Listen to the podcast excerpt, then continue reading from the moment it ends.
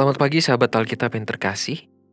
Marilah kita mengawali hari ini dengan melakukan perenungan akan firman Tuhan.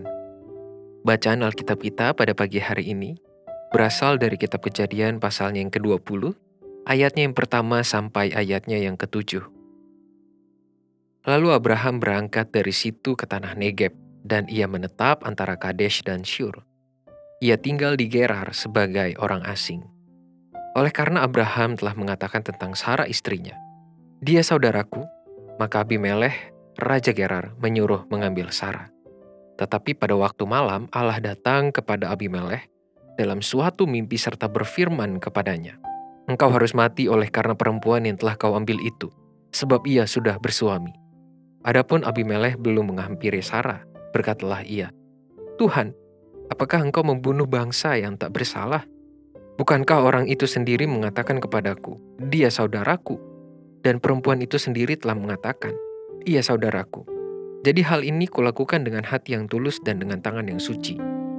Lalu berfirmanlah Allah kepadanya dalam mimpi, "Aku tahu juga bahwa engkau telah melakukan hal itu dengan hati yang tulus, maka aku pun telah mencegah engkau untuk berbuat dosa terhadap aku. Sebab itu, aku tidak membiarkan engkau menjamah dia." Jadi, sekarang Kembalikanlah istri orang itu sebab dia seorang nabi. Ia akan berdoa untuk engkau, maka engkau tetap hidup. Tetapi jika engkau tidak mengembalikan dia, ketahuilah, engkau pasti mati. Engkau dan semua orang yang bersama-sama dengan engkau. Untuk kesekian kalinya kita menemukan posisi perempuan yang rentan dalam narasi Abraham. Bahkan, pada pasal sebelumnya kita dapat melihat tindakan Lot yang menawarkan anak perempuannya untuk menyelamatkan para tamu. Dan sekarang Abraham secara sengaja untuk kedua kalinya menempatkan Sarah pada posisi yang terjual. Nampaknya pengalaman di tanah Mesir tidak membangun pemahaman yang baru bagi Abraham untuk memperlakukan Sarah sebagaimana mestinya.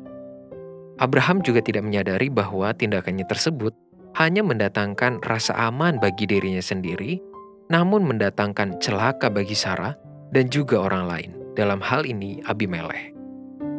Abraham mungkin merasa aman dengan menyebarkan kabar bahwa Sarah adalah saudaranya. Namun Sarah istrinya yang sah justru berada dalam ketidaknyamanan, kekecewaan, kesendirian dengan kemungkinan yang sangat besar untuk mengalami celaka. Sedangkan Abimelech, Raja Gerar, pun secara tidak sadar terseret masuk ke dalam ruang yang mengancam keselamatannya karena telah mempersunting Sarah. Dan untuk kesekian kalinya kita juga melihat intervensi Allah untuk mengubahkan celaka menjadi berkat bagi semua pihak yang terlibat dalam narasi ini, secara khusus bagi Sarah dan Abimelech. Meski demikian, intervensi Allah tidak menjadi bentuk monopoli ilahi atas jalannya kehidupan mereka. Allah tetap memberikan pilihan bagi manusia untuk bertindak secara khusus bagi Abimelech untuk mengubah tindakannya terhadap Sarah. Abimelech sedang berada pada pilihan untuk mengambil keputusan yang terbaik di tengah situasi yang tak terduga saat itu. Sahabat Alkitab, setiap kita selalu memiliki pilihan untuk bertindak, dan kita juga perlu menyadari konsekuensi atau dampak yang ditimbulkan dari masing-masing pilihan. Hal itu diperlukan agar kita tidak masuk ke dalam sebuah penyesalan. Perikop ini menjadi sebuah refleksi bagi kita untuk semakin peka terhadap kebenaran firman Tuhan yang hadir untuk menolong kita dalam mengambil keputusan dan terhindar dari sikap yang gegabah. Jangan biarkan pertimbangan yang bersifat sementara justru mengantarkan kita kepada kondisi hidup yang penuh penyesalan. Tuhan selalu punya cara untuk menolong kita namun itu semua tidak akan terjadi jika kita menolaknya. Marilah kita berdoa.